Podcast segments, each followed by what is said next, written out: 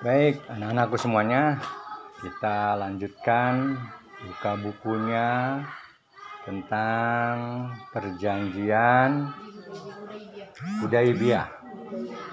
Nah, perjanjian Hudaibiyah sambil dibuka catatannya sambil yang penting-penting bisa dicatat ya agar tidak lepas karena di buku sejarah masih uh, sedikit penjelasannya. Mungkin ada beberapa penjelasan nanti yang ayah haji berikan yang nggak termaktub di buku.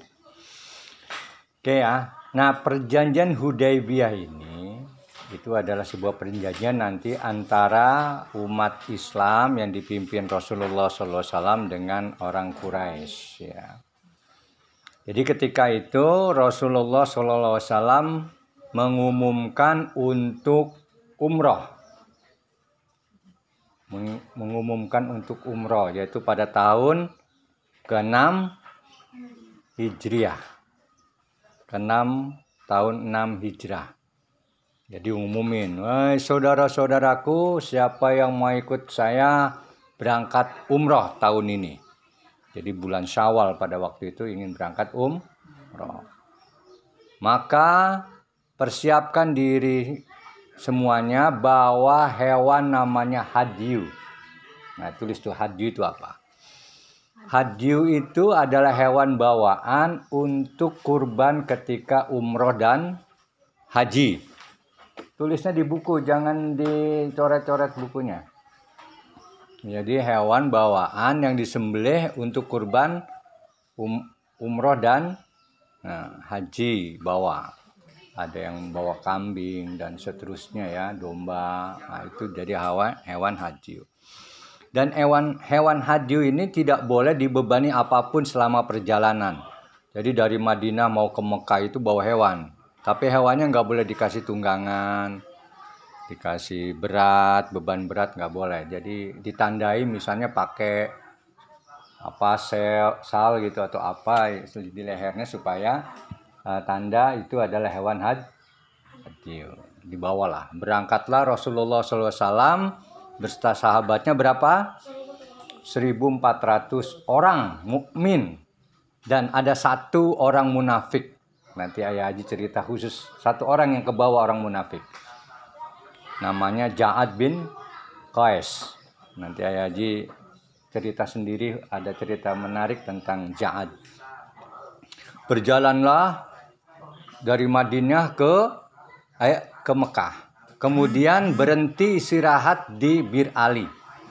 Bir Ali itu sebuah tempat mikot kalau mau umroh orang Madinah. Jadi kalau mau haji, mau umroh berhenti di Bir Ali. Tempat itu di situ ada sumur namanya uh, namanya sumur Ali, namanya Bir Ali. Di situlah ganti baju dari baju biasa menjadi baju eh ihram. Jadi baju ihram kalau laki-laki dua dua kain putih untuk bawah dan untuk atas. Kalau perempuan eh, apa namanya pakai baju biasa. Ya, baju muslimah warnanya putih. Ya. Pakai di situ dalam sebuah perjalanan, kemudian ternyata keberangkatan Rasulullah SAW itu ke Mekah untuk umroh sudah terdengar oleh oleh Quraisy. Ini orang Quraisy nih tahu aja ini memang. Baru berjalan aja udah tahu. Kemudian orang Quraisy nyiapin juga pasukannya. Sekitar 3000 pasukan. Disiapkan berjaga-jaga di pintu masuk tanah haram. Jadi orang Mekah itu zaman dulu gitu haram itu tempat tanah uh, tanah suci. Haram itu tanah suci. Jadi di tanah suci kalau masuk nggak boleh ada perang. Makanya Quraisy itu di luar tanah suci, tanah haram. Jadi ada patok-patok tersendiri supaya mencegah Rasulullah masuk. Wah ini sudah mau dicegah nih katanya. Ya, kemudian Rasulullah berkata kepada sahabat-sahabatnya, siapa yang tahu jalan alternatif masuk Mekah tanpa diketahui jalan utama? Semua nggak ada, ada salah satu sahabat Nabi yang tahu saya Rasulullah saya akan tunjukkan jalan alternatif yang biasanya jalan ini kemudian jalan yang lain.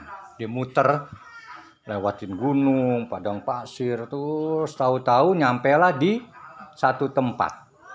Tinggal melangkah lagi masuk tanah tanah haram. Tanah suci tadi, tanah haram itu. Ada patok-patok tanda-tandanya. Sampai sekarang juga ada kalau tanah haram itu itu ada tandanya. Ya. Pas mau masuk begitu unta Rasulullah berhenti. Ngak. Didorong sama sahabat Nabi, untanya nggak mau jalan juga. Berhenti di satu tempat itu. Berhenti aja. Nggak mau jalan. Duduk aja tuh mendadak ontanya Rasulullah. Mau berhenti. Semua orang ngedorong tapi onta itu nggak mau bangun. Kata Rasulullah, ini Allah yang memberhentikan unta ini. Maka istirahatlah di sini dan buka tenda. Nah, buka tenda di situ. Rasulullah dan sahabatnya buka tenda. Ternyata orang Quraisynya sebelah sana, Nabi Muhammad sebelah sini. Orang Quraisy bingung kok bisa nyampe sini ya, jalan mana mereka ini katanya. Bingung dia. Tapi kenapa dia berhenti di situ kok nggak langsung masuk? Gitu. Jadi orang Quraisy juga bingung kok bisa berhenti di situ, istirahat di situ. Kemudian berhentilah di situ, pasang tenda. Kalau dulu kan umroh pasang tenda. Pasang tenda, orang-orang Arab kan biasa pakai tenda tuh kalau perjalanan pas pasang tenda di situ istirahat ternyata di situ namanya tempat itu namanya Hudai Hudaibiyah tempat itu namanya Hudaibiyah Hudaibiyah itu kalau dari Mekah sekarang ini sekitar 80 km dari Mekah jadi kalau anak-anakku umroh dan haji nah Hudaibiyah sekarang itu tempat peternakan uh, hewan sapi unta di situ. Unta, kambing, domba di situ. Jadi kalau mau beli kambing nanti kalau buat kurban dan segala macam itu tempatnya Hudaybiyah sekarang di situ. Jadi kalau mau jalan-jalan ke Mekah tempat Hudaybiyah itu peternakan sapi, pemotongan sapi, pemotongan hewan-hewan kurban termasuk juga unta dan domba di situ semuanya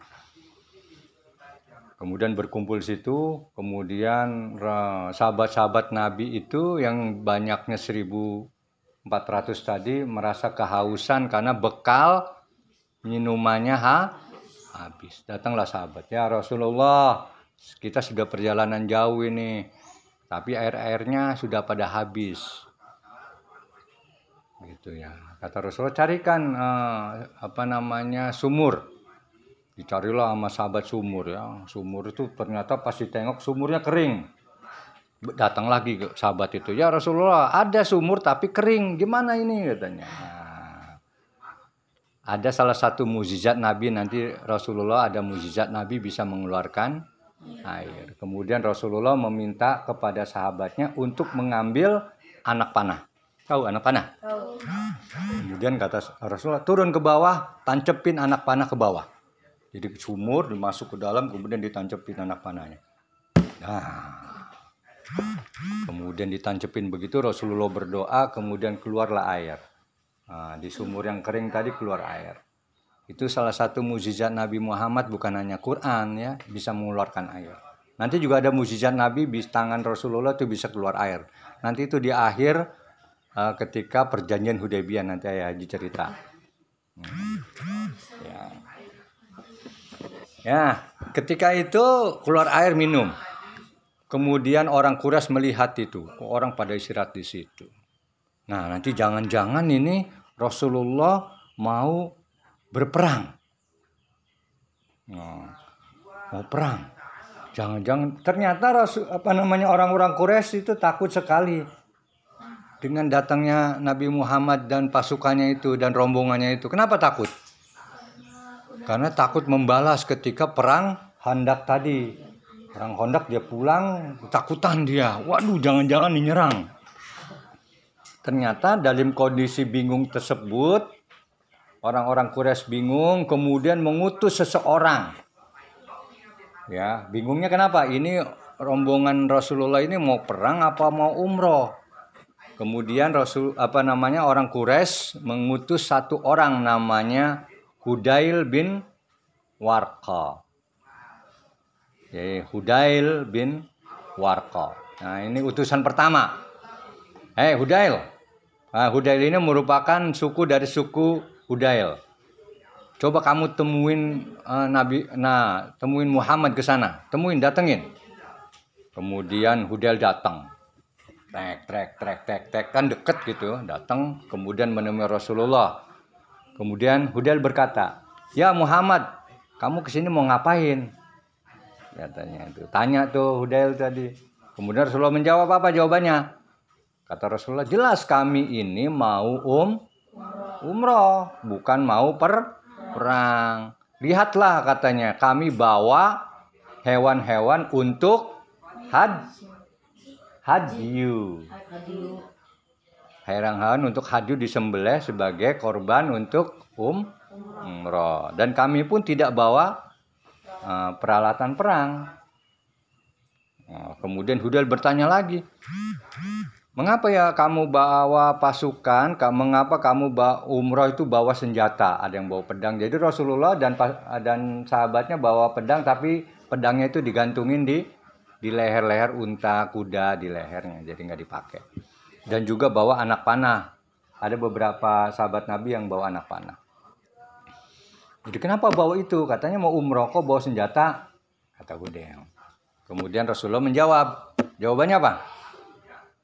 Ini senjata, ini pedang, ini anak panah untuk berjaga berjaga-jaga kalau-kalau orang Quraisy nyer nyerang. Iyalah, saya harus berjaga-jaga. Tiba-tiba mereka nyerang, masa kita tidak melawan katanya. Oh gitu ya.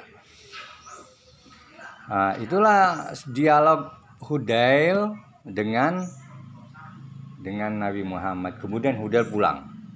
Balik lagi ke Quraisy. Kemudian orang Quraisy bertanya, "Apa hasilnya pertemuan dengan Rasulullah, dengan Nabi Muhammad, dengan Muhammad?" katanya. Karena orang Quraisy tidak menyebut nabi. Apa pertemuannya?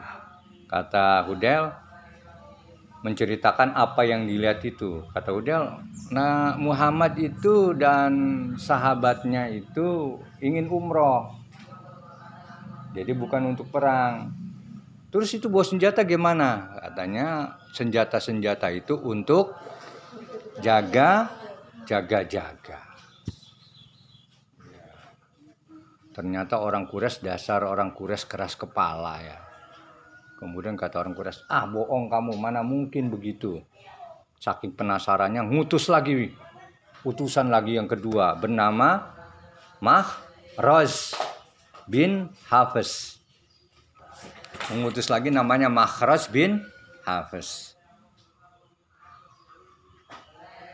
Nah, Makhraj ini diutus oleh oleh Quraisy untuk melihat. Kemudian Makhraj ini adalah orang seorang pengkhianat. Kemudian ketika Makhraj itu jalan Rasulullah melihat.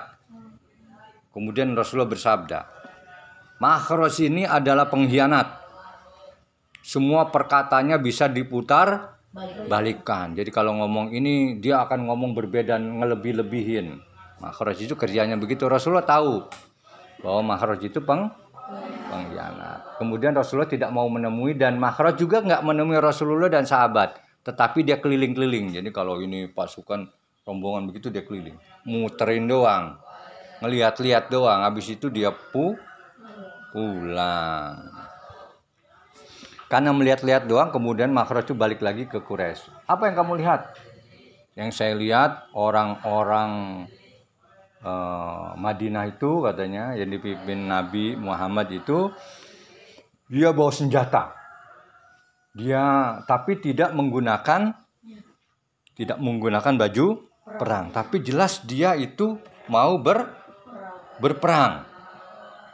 Ya. Tapi sesungguhnya kata Mahrez tadi bahwa nah Muhammad itu ingin um umroh. Kalau dia mau perang pasti dia bawa baju baju perang gimana sih baju perang? Bajunya besi, ini ada besinya, kepalanya, helmnya ada besinya. Ini menggak gitu, cuman baju eh ihram baju ihram kan cuman kain di lipetin, dilipetin begitu saja ya nggak mungkin berperang katanya dasar orang kures masih penasaran. Ah kamu nih macam-macam aja pasti kamu yang dilihat bohong. Bagaimana omonganmu bukan dari Muhammad, kamu cuma melihat doang katanya. Kemudian nih masih penasaran juga ini orang Quraisy. Kemudian mengutus orang ke ketiga. Namanya Urwah bin Mas'ud. Nanti Urwah bin Mas'ud ini masuk Islam. Ya, Urwah bin Mas'ud. Orang Urwah bin Mas'ud itu adalah orang terkuat orang Taif. Jadi dia uh, suku Taif. Orang kuat, orang hebat. Maka Urwah bin Mas'ud ini mau datang ke sana asal satu syarat. Jadi nggak mau juga dilecehin seperti utusan-utusan sebelumnya. Oh dibantah dibantah, ah bohong kamu, nah, gitu ya. Kata Urwah bin Mas'ud bilang apa? Saya mau jadi utusan asal dengan satu syarat. Setiap yang saya lihat, setiap yang saya putuskan itu adalah keputusan yang harus diterima oleh oleh orang orang Quraisy. Kalau enggak kita perang. Oh, kata kata Urwah, saya akan serang itu orang-orang ku Quraisy. Orang Quraisy, uh, oke okay, kalau begitu kamu berangkat. Berangkatlah uh, Urwah. Geng geng gitu ya. Nah, Urwah itu pakai kuda, kemudian pakai baju perang lengkap. Pakai baju besi, pakai helm, helmnya helm yang besi itu, kemudian bawa pedang. Udah tameng. Kerpek kerpek kerpek kerpek kerpek kerpek gitu ya kudanya. Ini kudanya bunyinya gimana kalau udah? Prok prok prok prok prok prok nah Urwa ini memang ingin memancing supaya umat Islam itu marah. Dipancing.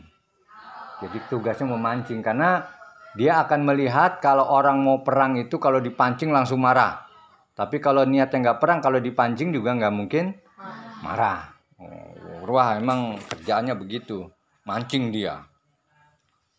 Ketika itu Urwa sedang mau datang itu mau mancing gitu, kemudian Rasulullah memerintahkan sahabat Nabi namanya Almu Al-Mughirah bin Su'bah Ya. Al-Mughirah ini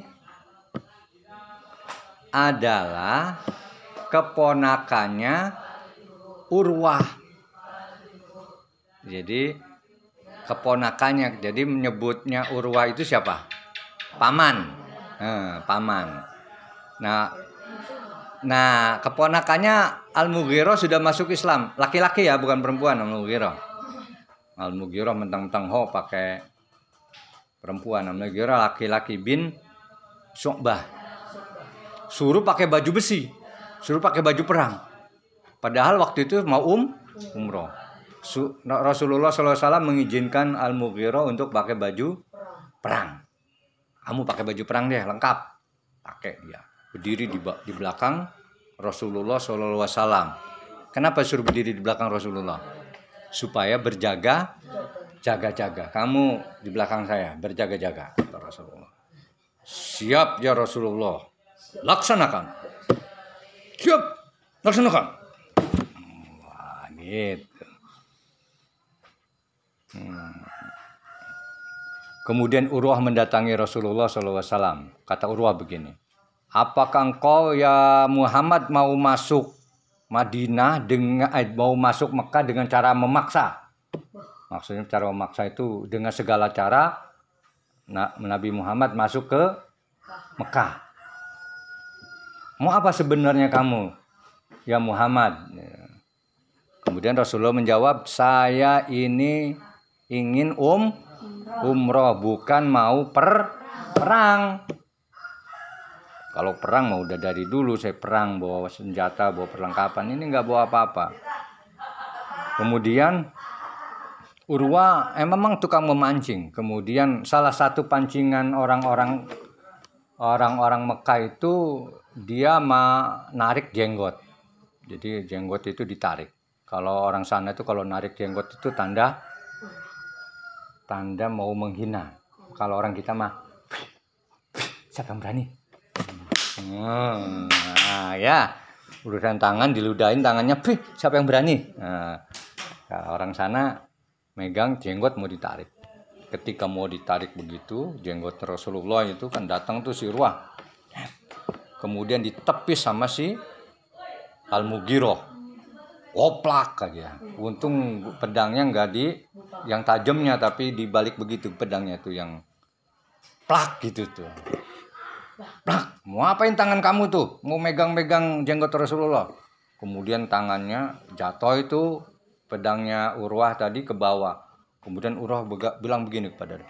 Ya Muhammad itu siapa orang itu? Kasar banget kepada saya. Kemudian si Urwah Ah, si Al Mughirah ngomong jangan macam-macam ya katanya jangan menyentuh Rasulullah SAW saya yang akan mendampinginya oh dikeplak begitu siapa itu katanya ya Muhammad itu siapa orang kasar itu katanya. Ura itu. Kemudian Rasulullah menjawab itu keponakanmu. Siapa keponakannya namanya? Itu keponakanmu. Masya Allah kata dia itu keponakan saya kasar sekali. Hei Al-Mughirah katanya. Eh, ke si Urwah ngomong, kamu tuh baru ditolong. Kemarin saya tolong ketika membunuh orang saya ngebayarin apa jaminannya 1300 unta. Sekarang kamu mau melawan. Nah, saya kamu sudah saya tolong. Nanti ayahnya cerita tentang Al-Mughirah bagaimana kisahnya ketika apa namanya ditolong oleh pamannya itu Al Urwah tapi nanti nggak cerita di sini ceritanya panjang itu nanti kita ceritain khusus itu kalau ada waktu kalau ada waktu kalau nggak ada waktu ya kamu cari sendiri ceritanya di buku-buku. Ya. Kemudian ditepak begitu kemudian memancing supaya marah.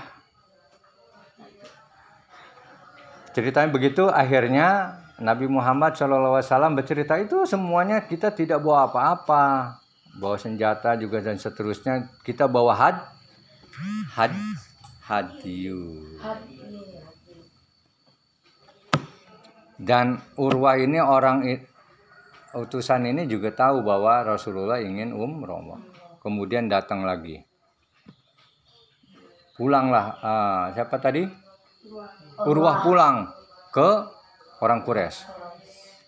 Kemudian berkata Urwa itu, "Wahai orang Quraisy, berdamailah dengan Muhammad. Karena sesungguhnya Muhammad itu mau um umroh. Kalaupun nggak boleh umroh tahun sekarang, kata uh, Urwa itu, tahun depan aja. Tapi yang penting harus berdamai. Hmm, karena dia melihat Rasulullah itu dihormati sekali oleh oleh orang-orang oleh para sahabatnya. Jadi waktu itu Urwah melihat ketika mau sholat asar itu kemudian kan dijamak sholatnya. Mau wudhu, ketika mau wudhu itu uh, wudhu tempat wudhunya bekasnya Rasulullah itu disimpan di di bawah lagi ada bejana lagi. Jadi itu rebutan buat dibasuhkan lagi ke para sah sahabat sahabat itu cinta sekali kepada Rasulullah. Makanya kata uh, Urwa, kalaupun Nabi suruh perang ya pasti perang katanya. Dia sangat cinta dan melindungi melindungi Nabi. Kata Urwa, tidak ada satu orang pun pemimpin di dunia ini yang dicintai melebihi dicintanya sahabat-sahabat Nabi kepada Rasulullah. Sahabat Nabi itu cinta banget. Ketika kumur-kumur, kumur-kumurnya di tampung rebutan orang itu. Hanya kepada na nabi. Jadi orang cinta banget kepada Nabi Muhammad. Kita juga harus cinta itu. Ya cerita begitu udah damai aja lah kamu pun perang pasti kalah kata itu karena itu orang mereka tuh orang siap mah mati. Kalau sahabat Nabi itu siap mati. Umar tuh orangnya tuh.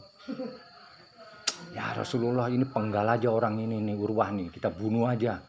Kayak ajak perang aja lah ngapain ngomong damai-damai? Wah itu Umar itu. Terlalu keras banget ya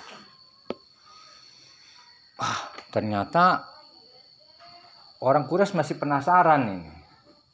Aduh, tapi nggak berani membantah membantah Ur karena sudah ada perjanjian tadi kalau mengutus saya harus diikutin kalau enggak perang marah. Pasukannya akan membelot kemudian memerangi orang oh, enggak tapi secara diam-diam orang Quraisy mengutus 40 orang.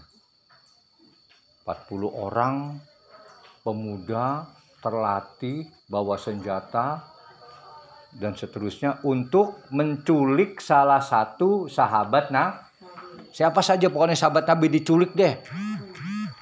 Kita culik kita tangkap kemudian kita tanyai mau umroh apa mau perang? Gitu.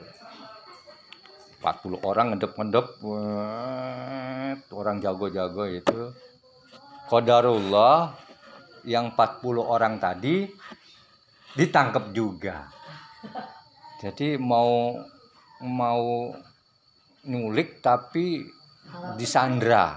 Oleh siapa? Ternyata Umar bin Khattab ketua keamanannya. Nah, ditangkap sama Umar tanpa baju perang ditangkap pemuda itu. 40 40-nya ditangkap. Nggak ada yang bisa kabur. Kemudian diikat, kemudian ditaruh di depan rombongan tadi. Orang-orang Quraisy ngeliat, waduh, itu yang 40 jagoan-jagoan saya bisa ditangkap oleh seorang um Waduh, Umar itu satu berbanding seribu orang. Ya, kekuatan Umar tuh satu berbanding seribu baru empat puluh kecil kata Umar. Taruh diikat di depan itu, kemudian orang-orang Quraisy lihat, hmm, waduh, ditangkap.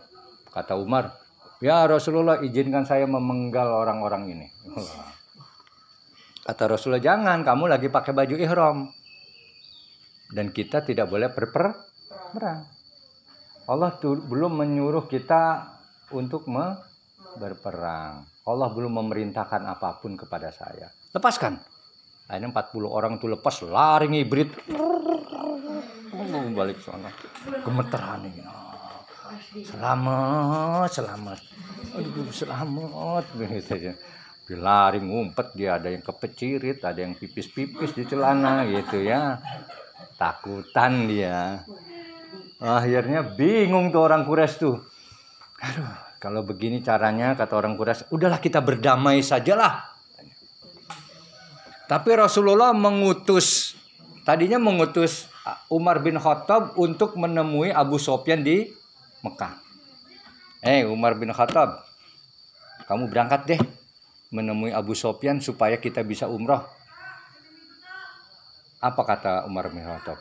Ya Rasulullah, engkau tahu kan kalau saya itu cepat marah. Apalagi kalau kesinggung dan nggak suka, pasti itu ada pembu pembunuhan dan pertumpahan darah. Jangan saya deh yang diutus. Pasti saya berantem kalau ketemu orang itu.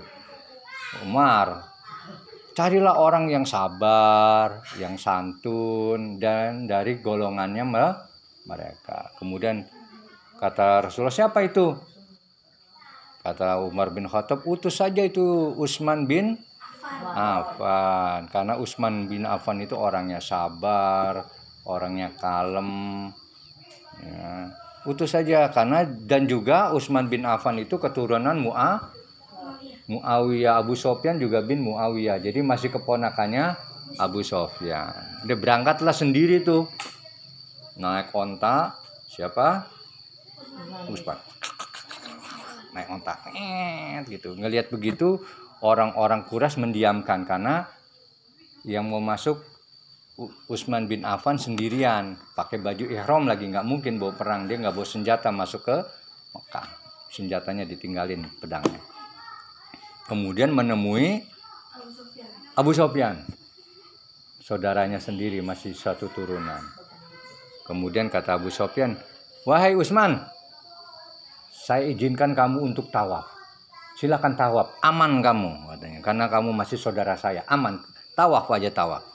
Artinya suruh umroh aja katanya, tawaf.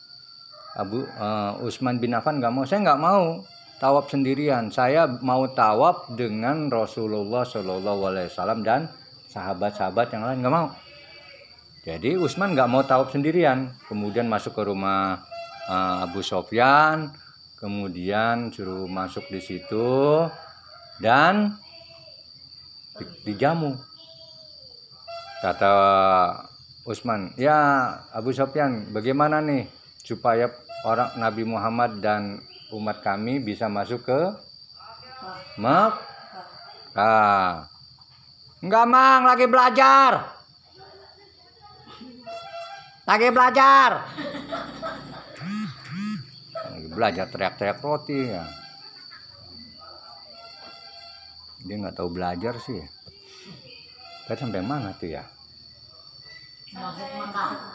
Hah? Oh, masuk Mekah dikasih makan. Oke kata Abu Sofyan tunggu ya. Nanti saya akan pikir-pikir dulu. Selama berpikir-pikir dulu itu nggak boleh pulang tuh Utsman bin Affan. Rasulullah Shallallahu Alaihi Wasallam ha khawatir kok Utsman lama banget ya di sana? Jangan-jangan Utsman dibunuh. Kepikiran tuh Rasulullah. Padahal Utsman lagi makan-makan di sana. Lagi nyantai dikasih minum masih makan istirahat. Dia lagi ya dibuat seneng sama Abu Sofyan tapi Rasulullah merasa khawatir wah jangan-jangan nih. Jangan-jangan nih. Jangan-jangan dibunuh nih. Akhirnya Rasulullah SAW mengumpulkan para sahabat berdiri duduk kumpul di bawah pohon. Kemudian di bawah pohon sebut pohon Ridwan. Makanya ada namanya bayatu Ridwan. Bayat Ridwan jadi bayat di bawah pohon. Bayat itu apa janji setia sehidup semati bersama Rasulullah. Itu bayat.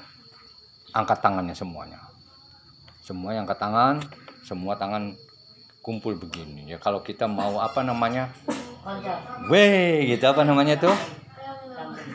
Bukan gambreng apa ya, buat ngasih semangat itu.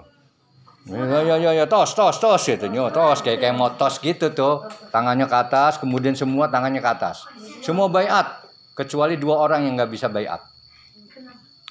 Pertama Usman yang lagi di lagi di Mekah.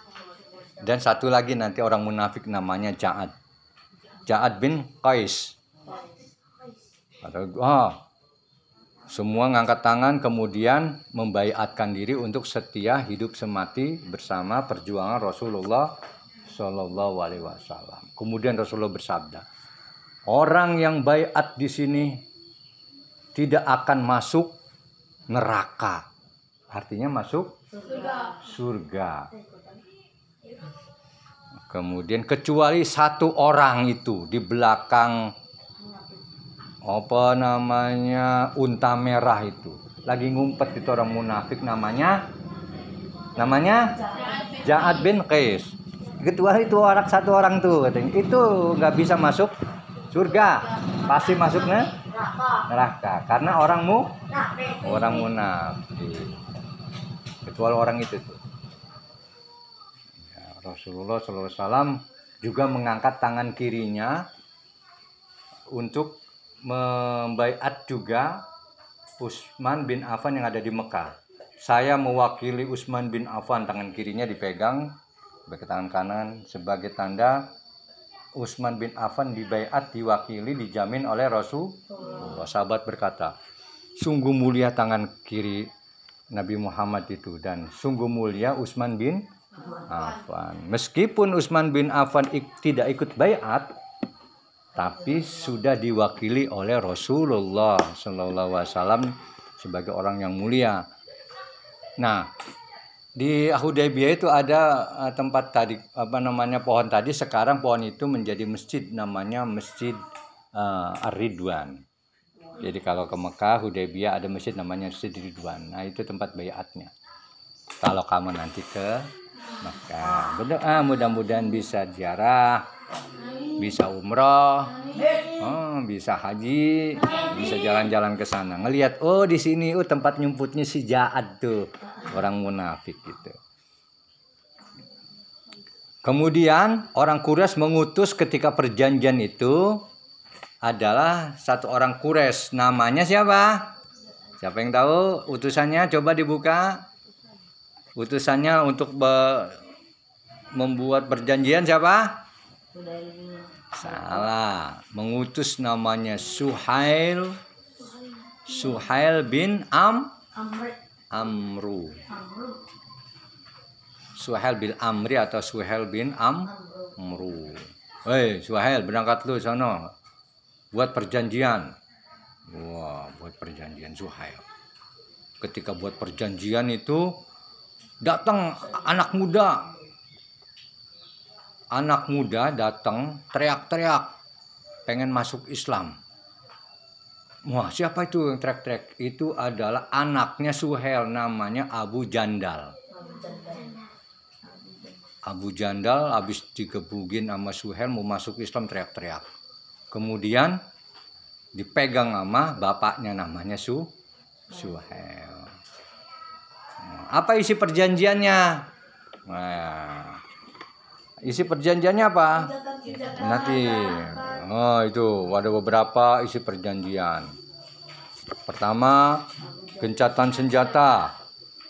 Dia tulisannya begitu pertama nih. Ini ya, aslinya begini. Jadi ada perjanjian ditulis.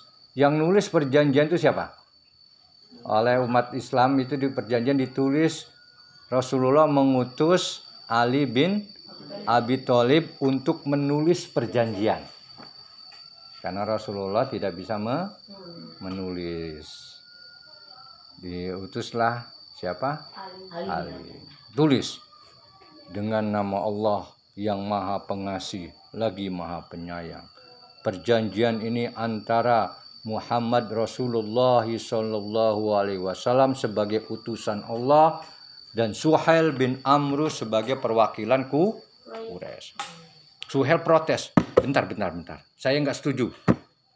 Kok ada Ar-Rahman Ar-Rahim? Kok ada Ar-Rahman Ar-Rahim? Siapa itu Rahman Rahim itu? Ini dewanya Nabi Muhammad ya katanya. Eh, padahal Bismillahirrahmanirrahim. Dia nggak kenal namanya Ar-Rahman dan Ar-Rahim.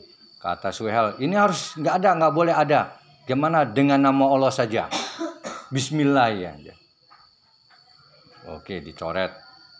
Kata Rasulullah, ya Ali bin Abi Thalib, hapus itu Rahman Rahimnya. Kata Ali, Ya Rasulullah mana mungkin saya bisa menghapus Rahman Rahimnya Allah? Saya nggak bisa nggak kuasa. Kata Rasulullah sini Tunjukin mana tulisan Rahman Rahim ini. Nabi Muhammad yang meng- menghapus. Ini tukang protes Suhel ini.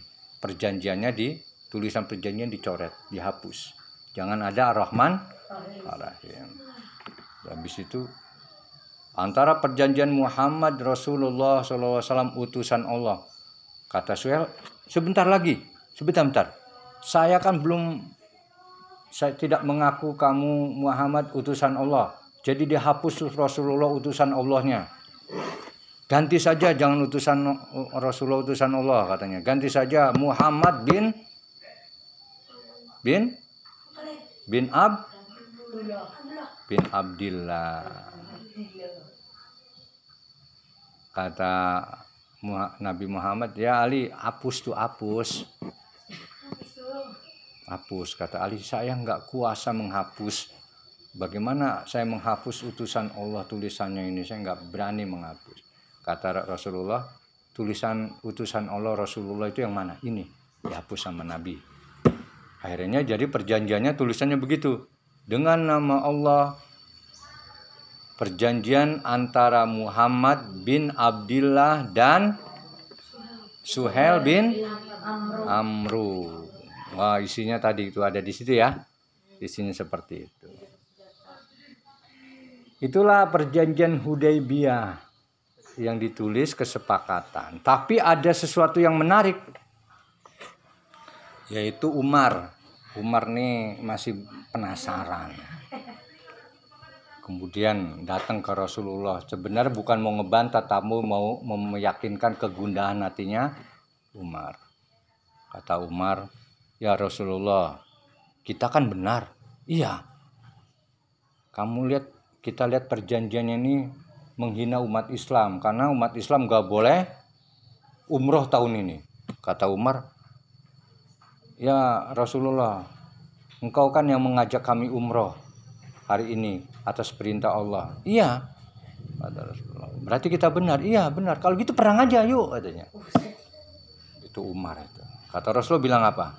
Ya Umar memang Allah menjanjikan kita umroh tapi kapan tahunya tidak tidak dijel Jelaskan. jelaskan. Sabarlah mungkin tahun depan mungkin tahun berikutnya. Sesuai Allah mem- Perintah. memberikan uh, petunjuk untuk umrohnya kapan.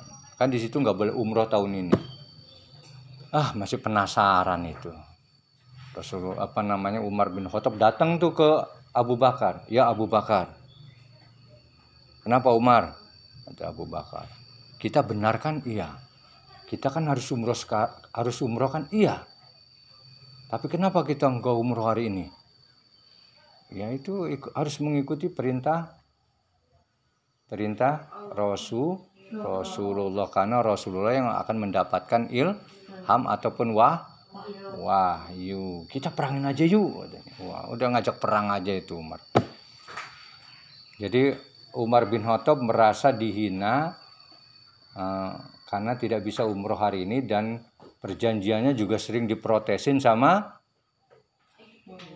sama sama Suhel orang Quraisy tadi. Pokoknya otaknya masih panas deh Umar udah pusing.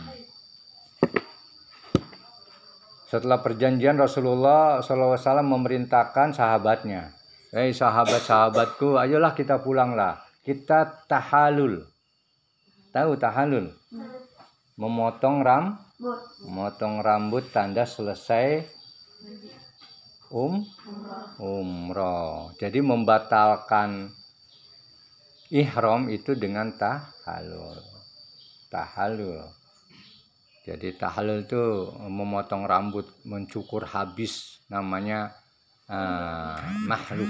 Bukan makhluk. Makhluk. Makhluk itu membotaki. Rasulullah membotaki rambutnya. Kemudian ada sahabat Nabi juga membotaki Rasul. Kemudian sahabat Nabi pada duduk aja nggak bangun-bangun. Karena masih pen penasaran. Mudah-mudahan Rasulullah mendapatkan wahyu baru supaya umroh dan kita berperang. Perang. Masih penasaran itu. Tapi Rasulullah nggak ganti pakaian. Kemudian Rasulullah ngelihat kok orang lain tidak, yang lain tidak mau ganti baju nih, nggak mau berdiri duduk aja masih masih trauma. Kemudian Rasulullah bawa istrinya istrinya itu yang yang senior ya, itunya yang sudah tua itu yang umurnya lebih tua dari Rasulullah namanya Ummu Salamah. Ummu Salamah katanya. Ya Rasulullah, kenapa kamu melihat orang-orang pada nggak mau ngikut? Boleh saya usul kata Ummu Salamah. Boleh. Ya kamu mulai aja lah. Ras- Engkau ya Rasulullah memulai saja ganti pakaian kemudian kita pulang. Ya, pulanglah, kemudian ganti pakaian, cukur rambutnya, kemudian orang-orang lain cukur rambutnya. Ayo cukur rambutnya, takut diajab dengan Allah. Oh ada yang nyukur panjang. Ada sebagian orang nyukurnya se- sebagian namanya taksir. Jadi memotong pendek namanya taksir. Kalau motong panjang namanya makhluk. Makhluk. Jadi kalau motong pendek namanya taksir, taksir, taksir. Jadi motongnya banyak-banyak, motongnya banyak, sedikit taksir itu. Dipotong sedikit. Kemudian umat Islam pulang, motongnya buru-buru, saking buru-burunya ada yang kecoak, kemudian ada yang mulu- mu- apa namanya luka leher ininya kepalanya karena saking buru-burunya. Takut diajab Allah atau mungkin juga ingin cepat-cepat menuntaskan perintah Rasulullah Shallallahu Alaihi Wasallam. Itulah perjanjian Hudaybiyah. Masih banyak cerita tentang perjanjian Hudaybiyah itu ya. Nanti karena sudah waktunya sudah habis. Nah, apa untungnya perjanjian Hudaybiyah? Nanti ayah ceritain apa sih keuntungannya gitu. Nanti ada eh, Abu Basir ya. Nanti ada cerita cerita unik Abu Basir dari perjanjian Hudaybiyah. Ada juga cerita-cerita unik yang lain tentang Umar bin Khattab dan seterusnya. Karena waktunya sudah habis, ya kan? Habis ya? Oh, pengen terus-terusan aja. Enak diceritainnya. Kamu baca bukunya. Hmm, jadi baca nanti kamu baca isi-isi perjanjian Hudaybiyah. Jadi isi perjanjian Hudaybiyah kamu tulis. Ada nggak di situ? Poin-poinnya? Kamu tulis, kamu hafalin nanti minggu depan ayah Haji tanya satu-satu maju menghafal perjanjian isi-isi perjanjian Hudaybiyah. Ya, dihafal. Oke? Oke, baiklah anak-anakku semuanya. Itulah perjanjian Hudaybiyah. Jadi setiap kejadian di sejarah itu ada cerita-cerita unik gitu, cerita-cerita unik, cerita-cerita yang memang itu menjadi eh, gambaran kita melihat sejarah. Makanya baca buku sejarah jangan hanya satu buku, jangan satu buku, banyak buku kamu baca sehingga oh kayak begini, oh kayak begini dan seterusnya ya. Semuanya ada di di buku sesuai dengan hadis-hadis Rasulullah Wasallam. Nanti ada sejarah juga ada di buku-buku eh, hadis, terutama kitab hadis Sahih Bukhari Muslim banyak ceritanya. Ya, hadis itu bukan hanya kola, tetapi juga banyak kisah di hadis itu. Ya, dihafal besok, minggu depan. Isi perjanjian Huday. Ya.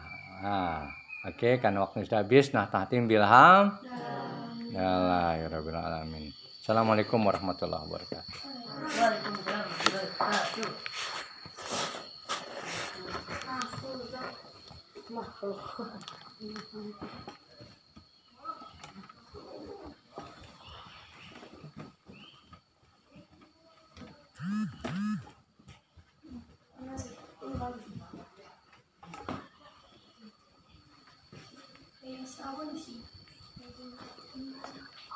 Iya, dan